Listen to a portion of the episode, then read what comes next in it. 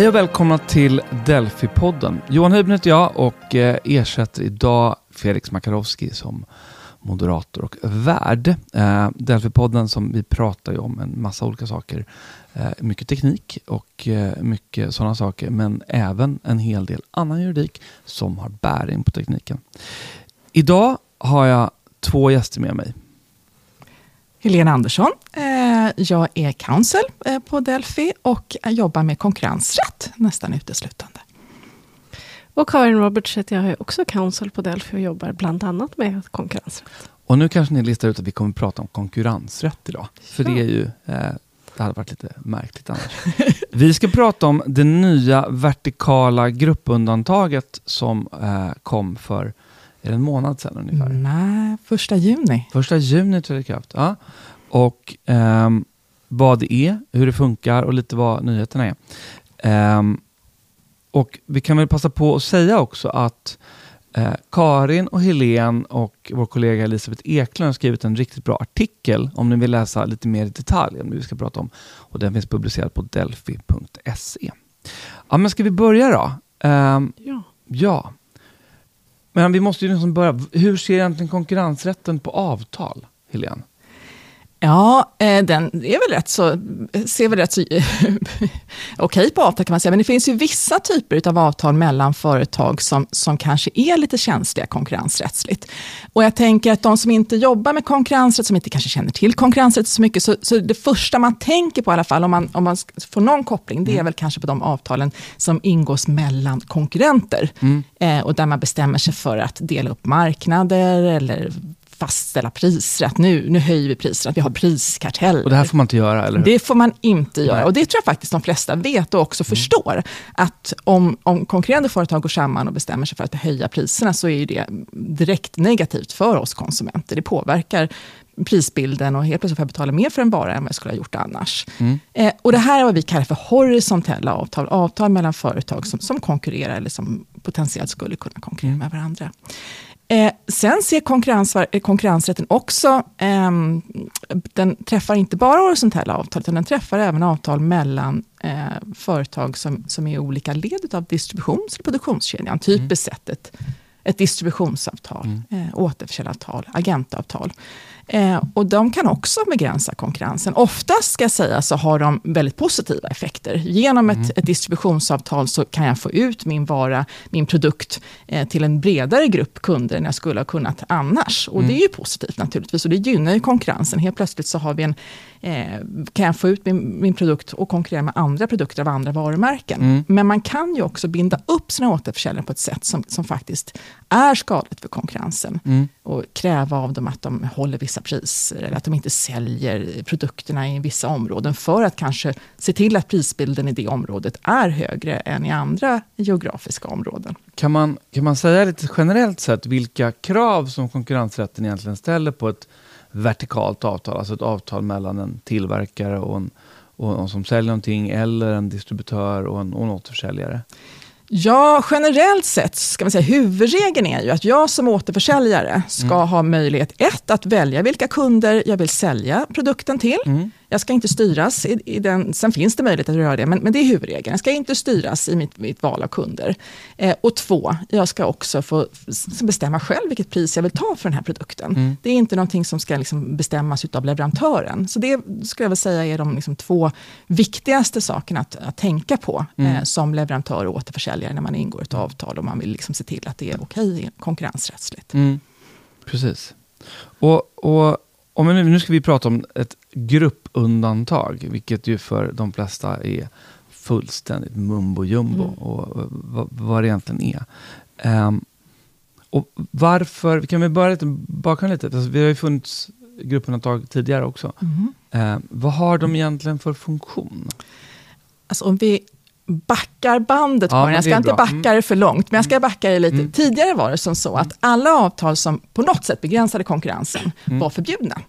Oavsett om de hade positiva effekter eller inte. Och så ville man då få igenom det här avtalet och ändå liksom ingå ett avtal som man säger, det har konkurrensbegränsande effekter men det har också andra positiva effekter. Mm. Då var man tvungen att anmäla avtalet till konkurrensmyndigheterna. Och Mm. så fick de granska och godkänna. Det låter ju ganska krångligt. Jättekrångligt. Och framförallt tyckte de konkurrensmyndigheterna att det här Mm. blev liksom, det var ju ohanterligt efter ett tag. Ehm, så att då bestämde de sig för att ja, men just distributionsavtal till exempel och an, några andra typer av avtal.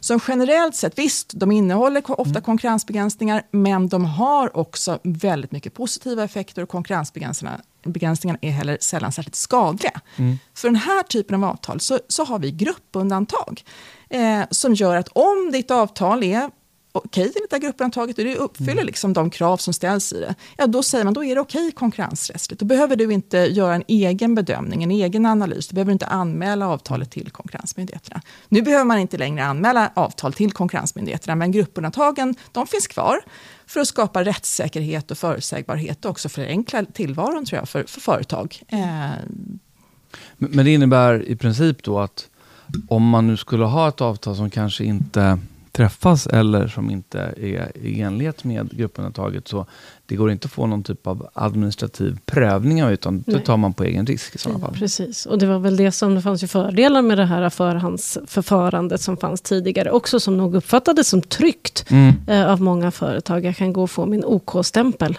Mm. eh, på mitt upplägg som jag vill ha och inte leva i ovisshet. Ehm, men så tog man bort den möjligheten och då lägger man ju över riskbedömningen på företaget istället. Mm. Eh, Men så finns det då eh, de här gruppundantagen för att ge eh, vägledning. Ju. Och Mm. kan man då tick the box Mm. och falla innanför det här gruppundantaget så har man då den här motsvarande tryggheten Mm. eh, som man har. Men det är ju klart, det är ju inte samma trygghet som att få en OK-stämpel av en konkurrensmyndighet. Eh, för att du ska ju ändå stå för bedömningen att du faller inom Mm. eh, gruppundantag. Men det är ju egentligen i linje med hur, hur allting annat är, Jag tycker är på också väg. det. Ja, man lägger över risken på företagen. Det känns och, mycket eh, mer modernt. Ja. eh, Och Kanske rimligt också givet Ja. att det är skattebetalarna som betalar för myndigheterna. Absolut. Mm. Men, men det tidigare vertikala gruppundantaget, när kom det då? Ja, de, de, det, som sagt, vi har haft ett gäng gruppundantag och de har en, en bestämd livslängd. När man Mm. antar ett gruppundantag så, så lever det ungefär 10-12 år. Mm. Eh, så det vi hade tidigare, det, det trädde i kraft 2010 Mm. eh, och sen så gick, löpte det ut eh, den 31 maj i år. Så det var ju liksom, kommissionen var tvungen, EU-kommissionen då, som Mm. att, att nu måste vi ha ett nytt gruppundantag här. För vi, den 31 maj, då, då slutar det här eh, att gälla. Och, och har, för det är väl också en intressant fråga, har, för det är ju ändå ett, en, en, en lagstiftningsprodukt det här. Eh, har det utvecklats inom ramen för EU-domstolen tolkningar och sådana Mm. saker under tiden? Absolut. Det, det ser man nu i det här Ja. gruppundantaget, att det är flera olika rättsfall från EU-domstolen som har varit Mm. väldigt eh, har haft väldigt stor betydelse, som nu reflekteras eh, Mm. i gruppundantaget. Det kodifieras i stort Ja. sett. Mm. Ehm, Det är gruppundantaget och sen så finns det tillhörande riktlinjer. Just det. ehm, som finns än så länge bara på engelska. Ja. Um, får se om de kom på svenska, för att de förra fanns ju på svenska. Kollade vi häromdagen. um, men i riktlinjerna så kan man ju se eh, att praxis verkligen är, är kodifierad. Så att det är ju många av de här eh, nyheterna som kanske snarare är förtydligande. Ja, mm. Ehm, där man ser att, att nu, nu är det tydligt, nu är det här som Mm. gäller, det som tidigare gällde enligt praxis. Um, är, är tydligare. Och det här är ett dokument som kommer från EU-kommissionen. Mm. Eh, en annan fråga som man kan ställa i sammanhanget när vi går in på själva gruppundantaget är ju, har den svenska konkurrensmyndigheten någon som helst möjlighet att utfärda riktlinjer och tolkningar för svenska förhållanden under ramen för de här gruppundantagen?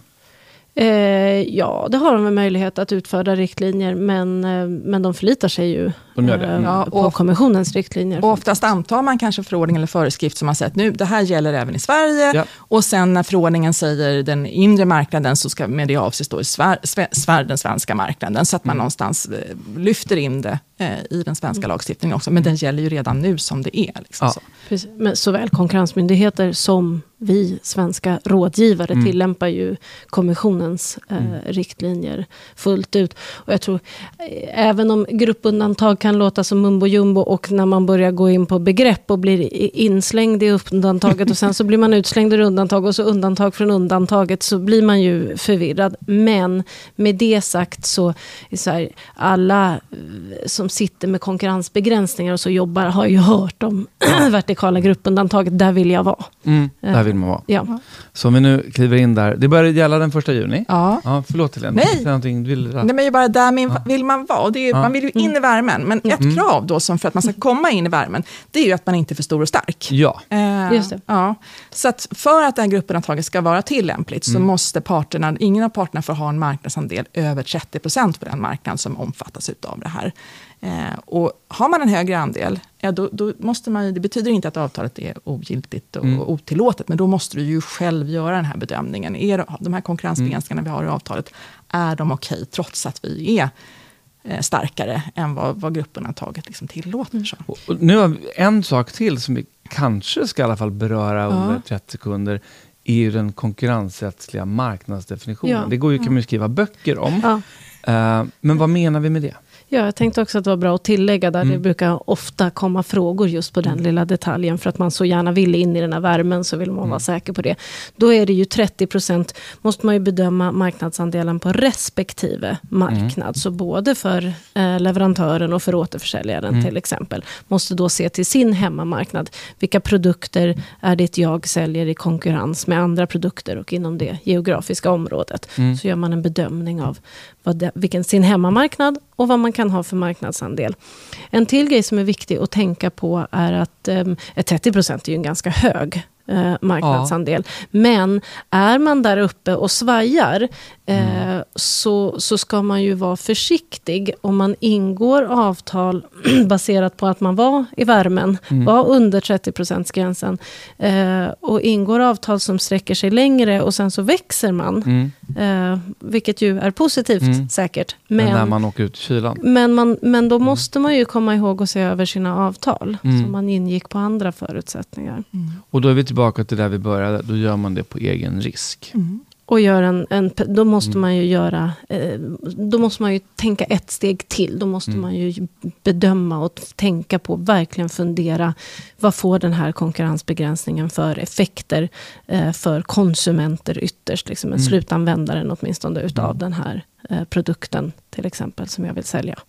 Jag tycker inte att det är särskilt svårt att hitta ett antal olika områden där det är helt uppenbart att de flesta aktörer, eller många aktörer, är, är i alla fall i närheten av 30 procent. Mm. Jag tänker den senaste väldigt aktuella dagligvaruhandeln, där Mm. många av de distributörerna är väldigt stora och starka.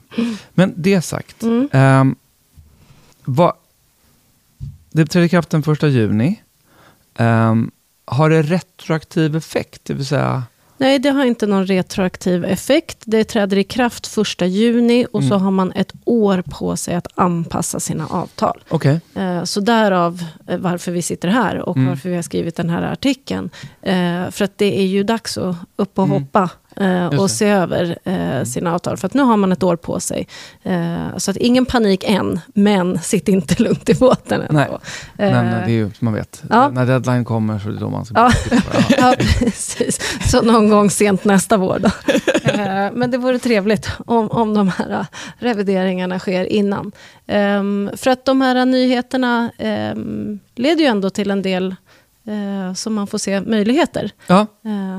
Att, att se över sina distributionssystem. Mm. Ska vi gå in på några? Ja, men jag tycker vi gör det. För, alltså, vi har ju pratat igenom liksom vad, vad det är, Ja. vem det gäller för, Mm. eh, varför det har kommit eh, och, och lite om liksom, effekten. Nu är det dags att prata om vad är det egentligen som, alltså, som ni sa tidigare, inte är nytt, utan kanske snarare kodifieringar Ja. som tidigare gällde. Men det är lika, vi, vi kan väl, för det är ganska mycket som är nytt, eller hur? Ja, eller är det så mycket som är nytt Helene? Det är, Helene, det är du som brukar säga, nej men det där gällde ju sen innan, det är bara förtydligat och så har Helene en punkt och en not och, Mm. som hon kan hänvisa till. Ehm, men tydligt Ja. tycker jag att Ja, det är. Ehm, jag tycker framförallt att de här riktlinjerna verkligen bjuder på tydligheter. Eh, det är ju jätteskönt när man har ett villkor och så kan man ticka av att det liksom, ja, ja, förhoppningsvis att det inte fanns på Och handen på listan då. hjärtat, det kan man ju inte alltid beslå EU-kommissionen med eh, tydlighet och, Nej, eh, och nej. förutsägbarhet på det sättet. Nej, det kanske hjälper om, om man har eh, läst dem några gånger. Och, och så, såklart, men absolut, det, det kanske inte är deras ledord. Men ska vi, ska vi prata lite, för vi, vi började ju prata om bland annat ett av de avtal som är aktuella, en typisk alltså distributions eller återförsäljarförhållanden. Ja. Och om vi tänker, vad har vi för nyheter där? Eller nyheter? Ja. Mm. Ja. Kodifieringar av gamla grejer då? Ja, precis. Vi struntar i om Ja. de är nyheter Ja. eller om de Nya är grejer, kodifieringar, Ja. förtydliganden. Vi, vi tänkte att vi skulle peka på några områden ehm, där det har kommit förtydliganden då Mm. i alla fall. Och några områden som har varit diskuterade. För att den här utvärderingen då, eller den, eh, det nya gruppundantaget inför att det träder i kraft har ju Mm. föregåtts av en ganska lång eh, remissrunda, eh, om man Mm. så vill. Där man, kommissionen kommer med ett förslag och inhämtar synpunkter. Eh, och ett av ehm, huvudmålen, det var, ju inget, det, det var ju inget alternativ att inte komma med ett nytt eh, gruppundantag. Men ett av huvudmålen var ju då att anpassa till den eh, liksom explosionsartade eh, e-handeln eh, som sker. Och att det är, liksom, ja, det är ju det nya normala. Ja. Eh, och det har ju verkligen varit då ett mål att anpassa de här riktlinjerna till det.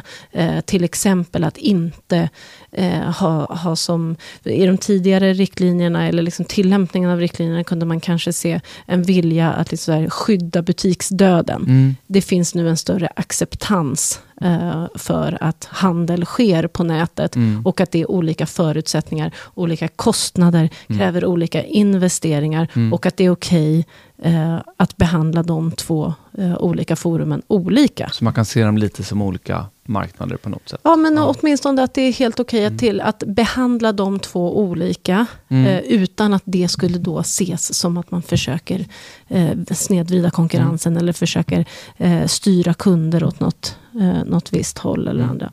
Sen har det då kommit en del förtydliganden vad gäller eh, när, man ska anses eh, vara eh, konkurrent och inte. Mm. Bland annat så finns det då ett tema dual distribution. Eh, vilket är då när leverantören på ett eller annat sätt också konkurrerar eh, Mm. med återförsäljaren. Vilket ju inte är helt ovanligt. Inte varit så ovanligt tidigare heller. Ehm, Kan vi ta ett exempel på, på dual distribution? ja, att du har ett distributionsnät, kanske med återförsäljare med fysiska butiker, men Mm. har en egen e-handel. Mm. Eh, Det finns ju också eh, en rad olika, kanske lite mer märkesföretag som har så här concept stores eller Mm. flagships. Ehm, där de ju då konkurrerar med sina egna eh, återförsäljare. Ja, du var inne på livsmedelssektorn Mm. var ju du. Där är det ju Ja. också någonstans att till exempel då ICA, Coop, Mm. att man säljer, man, dels säljer man ju då eh, produkter från andra, av andra varumärken, men sen har man ett eget varumärke. Ja. Eh, och då är man ju någonstans konkurrent i Just den det. delen Mm. med sina leverantörer. eh, Med det egna varumärket. och där finns det ju lite knepigheter. Mm. Kanske en tankevurpa, vet inte. Mm. Var- men, men där finns det ju en skrivning då att den här, om vi tar eh, ICA som exempel, att om ICA då ehm, köper in ketchup Mm. eh, från en leverantör, säljer det, men ICA har också ICAs egna ketchup. Mm. Eh, då är de bara konkurrenter om ICA har en egen ketchupfabrik och har tillverkat den här egna varumärket själv. Om ICA har låtit någon annan tillverka ketchupen Mm. men sätter ICA-etiketten på den och säljer den på hyllan, ehm, då är de inte konkurrenter. Kan, känns lite cyniskt här, men det känns som att det där kanske antingen är en tankevurpa eller otroligt lyckad lobbyism från dagligvaruhandeln. För att vi som jobbar med lite sånt vet ju att eh, ICA, Coop, Axfood eller Lidl eller vad har aldrig egen tillverkning. De lägger alltid ut det Nej, eh, på någon annan. Eh, Och så brandas det med deras ja. eget. Vi, precis, jag, exakt. Det är en vanlig situation. Och varför undanta den? Vad, vad det också gör att det applicerar en väldigt snäv tolkning av begreppet konkurrent. Ja. Vilket inte rimmar med tillämpningen av konkurrensrätten i övrigt. Mm. Ehm, Men dessutom, om man ska bara lägga till en sak till. De som de då, ta dagligvaruexemplet, de som de då skulle konkurrera med, det vill säga de som är riktiga varumärken. Det är ju ganska, det är inte alltid så att de själva har tillverkat heller, utan de har en fabrik som ägs av någon annan som de köper produkter som är brandade som deras. Så att Mm. det blir konstigt. Ja. Och vi, vi kanske sa vi det från början, att huvudregeln är ju att, att avtal mellan konkurrenter träffas ju inte, de omfattas ju inte utav Nej. eh, det vertikala gruppundantaget. Så det är ju huvud, huvudregeln. Och sen då i vissa fall så kan man ändå eh, tillåta det, Mm. eh, om det är så att det liksom inte är reciprok, det vill säga att, att eh, leverantören är även liksom verksam nedåt, Mm. nedströms och, och säljer egna varor. Men distributören då eh, har bara eh, Mm. liksom konkurrerar bara i det ledet. Så där har det kommit ehm, ja, men lite förtydliganden då kring om man får återigen vara med i värmen eller inte. Det är ju det det går ut på. Eh, ska man anses vara eh, konkurrent, ett, vad vi kallar ett horisontellt Mm. förhållande och bedömas enligt andra regler, mycket strängare regler. Mm. Eh, eller eh, ska förhållandet anses vara vertikalt i olika handelsled. Mm. ehm, och man kan omfattas av eh, gruppundantaget. Och, och vilka krav gäller då, då inom ett så här dubbelt distributionssystem för att du ska kunna vara inne i värmen som vi kallar det? Ja, men det var de här Mm. olika Mm. eh, då, exemplen som vi Mm. pratade om, liksom, när man kan anses vara, ehm, när det är vertikalt och när det är horisontellt, Mm. kommer de här förtydliganden då. Till exempel det här exemplet med ICA, Mm. när de är konkurrent och när de inte är det. Eh, för det som är knepigt i de här situationerna är ju då att ehm, du konkurrerar eh, med din egna eh, återförsäljare, eller dina åter, ja, Mm. flera som du har valt ut. Mm. Ehm, och då har, ja, precis, du har både ett vertikalt och ett horisontellt förhållande. Mm. Vilket ju gör att det blir knepigt. Gäller att eh, hålla tungan rätt i mun Mm. om man så vill. Eller se till att informationen ju flödar som den ska. Att man Mm. inte delar information eh, som kan störa då konkurrensen i övrigt. Mm. Och då har det också kommit lite förtydliganden där så att man liksom har någonting att hålla sig i. Vad, vad är det för information man får utbyta nu igen? Mm. För oss som är gamla inbitna så kände jag inte att det var, nå, eh, det var inte någon jättekioskvältare vad man fick. Man får fortfarande inte prata om framtida priser. Nej. Nej, man får Nej, nej, man får fortfarande inte göra det. Eh, men däremot eh, lite tydligare då riktlinjer kring eh, vilken slags information, vad som skulle kunna vara exempel på information som är nödvändig att utbyta för att upprätthålla eh, avtalet, Mm. det vertikala distributionssystemet. Mm. Ehm, ja, någon safe harbor helt enkelt. Det är Ja. ju det det hela går ut på. Ja, exakt. Ja, men okej. Ja, Dual distribution. Och sen så, vi, Mm. vi nämnde lite att det är liksom en anpassning i texterna till att vi nu har en verklighet där en ganska stor del av handeln idag Ja. sker på nätet. ja. Eh, vad är det för... Jo, men ett utav då, eh, sättet att, att eh, komma åt det här på är då ett, ett begrepp ehm, att man inte får förhindra eh, återförsäljarna från att effektivt använda internet. Mm. Eh, jag tycker att det är ett ganska käckt begrepp Ja. faktiskt. Eh, vi pratade om det, det kan låta så här, jag, vet inte, bara som en floskel. Men jag tycker faktiskt att om man sätter sig ner och funderar på, okay, jag vill föra in den här konkurrensbegränsningen. Men varför vill jag egentligen göra det? Det är väl inte så att jag vill styra kunder bort ifrån min egen eh, konkurrerande nätbutik. Eller att jag vill styra kunder till något visst geografiskt område. Eh, det är väl så att jag fortfarande värnar om att konsumenterna ska Mm. få eh, så liksom kvalitativa varor som Mm. möjligt. Och att min, min vara ska säljas på det sättet som jag vill eh, Mm. att den ska säljas på. Ehm, men, eh, men där finns det också då, eh, och där är det verkligen praxis eh, Ja. som är, som är, liksom är kodifierad. Eh, och så finns det lite olika vinklingar på det här. Dels så är det då uttalat att ehm, man får inte förhindra användandet av prisjämförelsesajter Okej. för, ehm, för annonsering då till Mm. exempel. Det får man inte förhindra. Men du skulle kunna få förhindra användandet av en specifik prisjämförelsesajt förutsatt att det inte hindrar ett effektivt användande om det finns alternativ. Eh, Okej. så då säger man så Jag här, känner mig inte riktigt så här klarare i tanken. Eh, Nej, för men- då, och då säger de så här, okej, du, får, du får inte förhindra användandet av prisjämförelsesajter.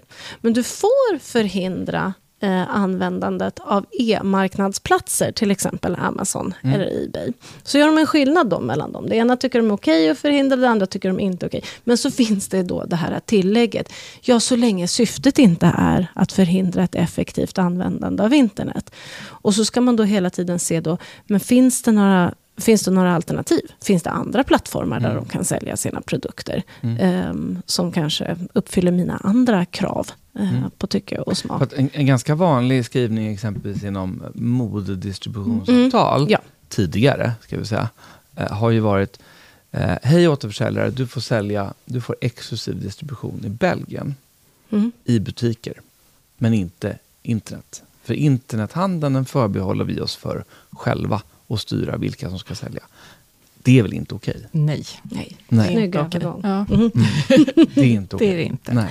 Men däremot, jag tänker just det här med, liksom, med e-handelsplattformar och tredjepartsplattformar. Det, det är ju som du säger en, en kodifiering av tidigare praxis. Mm. Därför vi har ju ändå, nu pratar vi kläd, kläder, mode, skönhet, vad det nu kan vara. Det finns ju vissa produkter som man känner att det här är lite lyxigare produkter. Mm. Här vill jag ha, eller, eller på något sätt vill jag förmedla en viss image med min produkt. Mm. Jag har ett varumärke som jag värnar eh, och jag vill se till så att mina produkter säljs på ett visst sätt. Mm. Och här har konkurrensreglerna under många år varit väldigt generösa i att har jag en lyxprodukt eller en tekniskt kvalificerad produkt så kan jag ställa krav på mina återförsäljare. Jag kan ha Mm. ett selektivt distributionssystem eh, där jag säger att ni får sälja mina produkter men bara om ni gör det på det här och det här och det här sättet. Mm. Sen kom det ett, en dom från EU-domstolen för några år sedan som var faktiskt inte, lite knasig kan man väl säga. Där man sa att ja, men det här, sådana här krav får ni ställa i fysiska butiker men på, liksom, digitalt får ni inte ställa några krav överhuvudtaget. Mm. Eh, och, och det blev ju lite tokigt. För någonstans tyckte man att det var okej att ställa de här kraven i fysisk försäljning så borde man ju Mm. också kunna föra det vidare till, till e-handeln. Mm. Och kom, dom, domstolen kom sen med en, en dom där man liksom backade och Ja, gjorde ja, rätt. mm. Eh, så nu är det ju det att nu måste man ju även kunna få ha viss kontroll över hur återförsäljarna säljer varorna på internet. Det vill säga egentligen vilka nätbutiker som Ja. får sälja Precis. ens Jag, produkter. jag du är min Ja. återförsäljare, du Ja. måste få en webbutik. Jag kan ställa krav på den här webbutiken och säga att den, den ska se ut på ett visst sätt. Mm. Men om jag låter dig gå vidare och sälja via Amazon, då förlorar jag ju helt kontrollen. Ja. Och det ska jag inte behöva göra. Så av den anledningen har man nu en möjlighet då att, att säga att ja, men du har en webbutik, du måste kunna använda internet på ett effektivt sätt. Det är Mm. fine, men jag vill inte att du säljer mina varor via en, en Men, men en tredjepartsplattform. återförsäljare kan ju ha en egen webbshop. Jag, jag tycker Ja. ändå kläder och mode är ganska intressant. Just de, det är där de Mm. selektiva distributionssystemen i ganska hög utsträckning finns. Ja. Ehm, sen, och sen har vi Amazon som är en marknadsplats, Mm. liksom två ytterligheter någonstans. Men däremellan så finns ju de här eh, Boost och Zalando och alla de där också. Eh, som är egentligen eh, som stora varuhus fast för, för kläder. Vad gäller där om man som märkesinnehavare kanske känner att man inte vill vara på dem? Och dessutom är de oftast internationella, så man träffar Mm. ett avtal med dem. Hur skulle man som modevarumärke tänka om jag nu har, jag menar, jag har en, en belgisk och en nederländsk och en fransk återförsäljare och någon i Tyskland. Eh, och Zalando kommer till mig och säger, "Ja, här är vi som styrs från Berlin här. Vi ska träffa ett avtal för hela Europa. Vem ska kunna träffa det avtalet? Kan man i, som var- varumärkesinnehavare säga, "Ja, men, eh, du återförsäljaren i Tyskland får inte träffa det här även om du känner Zalando-människorna i Berlin. Utan de vill vi, det vill vi göra. Ja, du kan ju tilldela en viss kund till dig själv. Ja. Eller till en, en återförsäljare och säga att den här kunden är din kund. Eh, så. Sen får man då, finns det ju vissa, man får liksom inte förhindra passiv försäljning till den här kunden. Men du kan ändå, du kan liksom ge vissa kundgrupper eller vissa kunder till vissa återförsäljare. Eller faktiskt förbehålla dig rätten att men den här kunden vill jag ha eh, själv. Och det, det leder ju oss naturligt in, nu ville du säga någonting Karin, förlåt jag avbröt det här ser det ut som. Ja, nej, jag vet inte om jag ville säga någonting. Det var en lång fråga Johan. Jag vet Ja. inte, jo, gjorde du skillnad mellan olika marknadsplatser? Ja, var det det som det var din jag. fråga? Ja.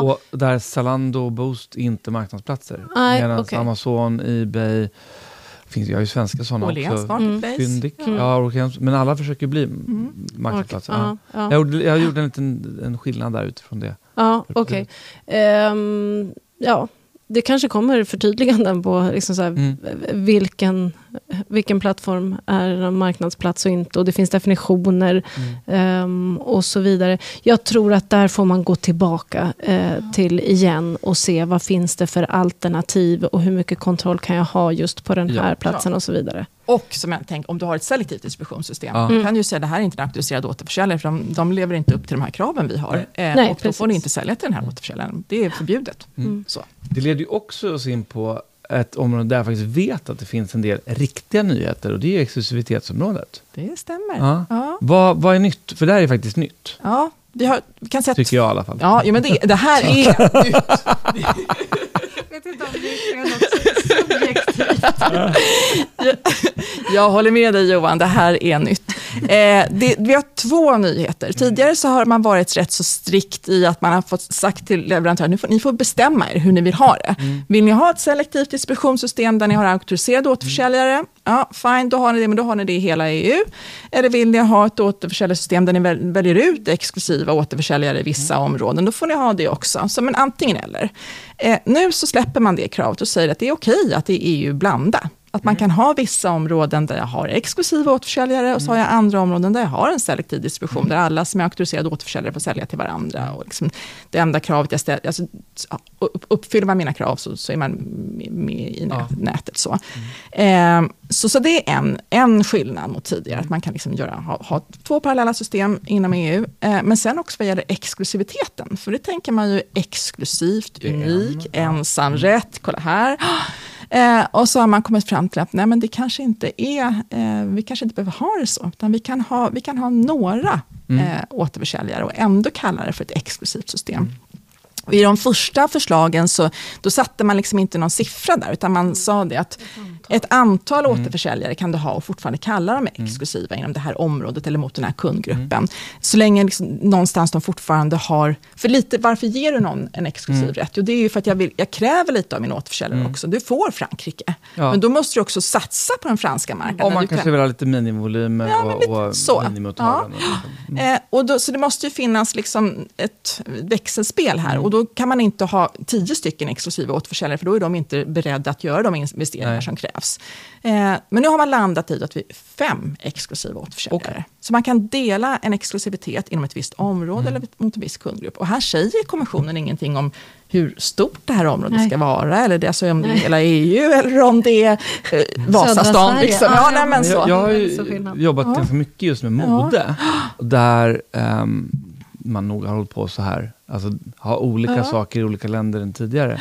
Men eh, några av våra länder i, Europa är väldigt stora. Och jag Ja. vet att eh, exempelvis Tyskland har man oftast delat upp i en eller två eller kanske till och med fyra regioner. Där man kan ha upplåtit exklusivitet i olika regioner separat. Mm. Eh, Så, och då, det har jag förstått att det var ganska... Men en sak som jag reflekterar över när jag hör det här är ju en, kanske inte riktigt en konkurrensrättslig fråga, utan mer en avtalstolkningsfråga. För att den, den gängse uppfattningen är att när man pratar om, man ger någon en exklusiv rätt, Mm. Utan att skriva så mycket mer än så, så, så har man i alla fall avtalsrättsligt tolkat som att huvudmannen Ja. har ingen rätt då. Det måste man förbehålla sig uttryckligen. Eh, det kanske kan möjligen Luckras luckras upp lite. Ja.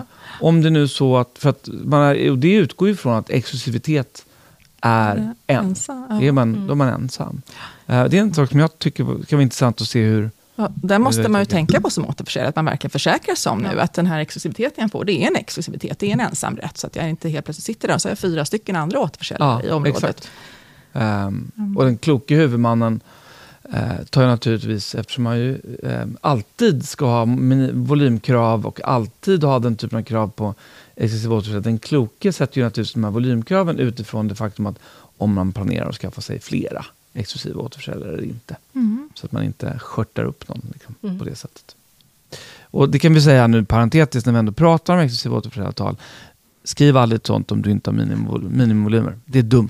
Eh, ja. Ge inte ifrån dig ett helt område utan att ställa några krav. Nej, Nej. jag menar, då hempris. Inga, det kan ju- det är som att säga hej då. Det, ja, det är en helt annan historia. Jättemycket som Allt är ge och ta. alltid är att ta. Men det om det som vi har konstaterat är, skillnaderna mot de tidigare skrivningarna. Då. Eh, men utvecklingen av praxis. I praktiken då, eh, Karin, Ja. vad ska eh, parter i vertikala avtalsförhållanden göra det närmaste året Ja. med sina avtal? Det har vi varit inne på nu, att nu har man ju då ett år på sig Ja. eh, att se över ehm, sina avtal. Mm. Dels behöver man ju såklart gå igenom och se till om det finns några, så att det inte finns några otillåtna eh, Mm. konkurrensbegränsningar. De Tänker var i och för också- sig otillåtna sedan tidigare också eftersom De- det är ju snarare så att Ja, vi precis. lite här. Inte komma överens om pris framtida. Inte pris i framtiden. Ehm, men ta det här som ett tillfälle. Mm. Eh, att se över att det inte finns några otillåtna eh, konkurrensbegränsningar. Det här eh, scenariot som var inne på att har man växt mycket över de senaste Mm. åren. Ehm, men också se möjligheterna att strukturera upp sina distributionssystem. Vill man införa lite mer uppdelade områden? Vill man införa lite mera krav på sina återförsäljare? Mm. Ehm, hur är det med näthandeln? Mm. Ta tillfället i akt Mm. Ja, eh, för det, och vi pratar om det. Det finns ju... Det är ju nästan så att det här gruppundantaget någonstans, även om det är en kodifiering av praxis, men att det någonstans ger ehm, större möjligheter Mm. att vara lite mer kreativ i sin, i sin distribution och ehm, också utifrån då mina butiker, e-handel och så vidare. Jättesant. Vad kan vi hjälpa till med då? Vi kan just hjälpa till med det och se över Ja, ehm, systemen och hjälpa till med förslag. Där kan ju vi samarbeta Johan. ja. ja det hjälpa jag till gärna. och se, eh, liksom, ja precis, ett horisontellt samarbete. Där hjälper vi ju till, eller hur? Och ser, ser, liksom så här, ser eh, vad kan vara logiskt för just det här företaget. Eh, var skulle man kunna vara mer kreativ Mm. eh, och få ut mer eh, få ut mer av sin eh, produkt är Mm. ju såklart eh, det yttersta. Men vad kan man kanske få ut mer av sina återförsäljare Mm. också? Precis. Ja, det är superintressant. Och det är, mm, läste en arti- er artikel också som jag återigen tipsar om. att eh, Så finns det liksom väldigt mycket grejer som man kan göra om Mm. man eh, vill vara lite mera, ja, men se över sina kedjor och titta lite på det. Mm. Och sen är det ju, det kan bli väldigt intressant också att se de här, vi, vi pratade om en tankevurpa eller om det var bra lobbying. Mm. Det vet vi ju inte. Den känns ju som att det är en lågt hängande frukt, att den kanske kommer att förtydligas lite vad det innebär. Mm. Ehm, så. Tack så hemskt mycket för att ni ville komma. Tack. Ehm, jag tycker det här var väldigt eh, upplysande och en bra diskussion. Innan vi avslutar så, så ska vi prata lite om, eh, bara kort, vad vi gör framöver inom det här området. Ja, För ni ska ha ett webbinar, eller hur? precis. Vi tänkte köra en uppsamling igen efter sommaren. Eh, och då har vi ett eh, webbsänt frukostseminarium. Så ett webbinar helt enkelt. Mm. Den 30 augusti, Ja, Ja. halv nio. halv nio. Och hur den anmäler 30 man sig det. Det gör man eh, på vår hemsida. Och som har adressen? Delphi.se. Bra.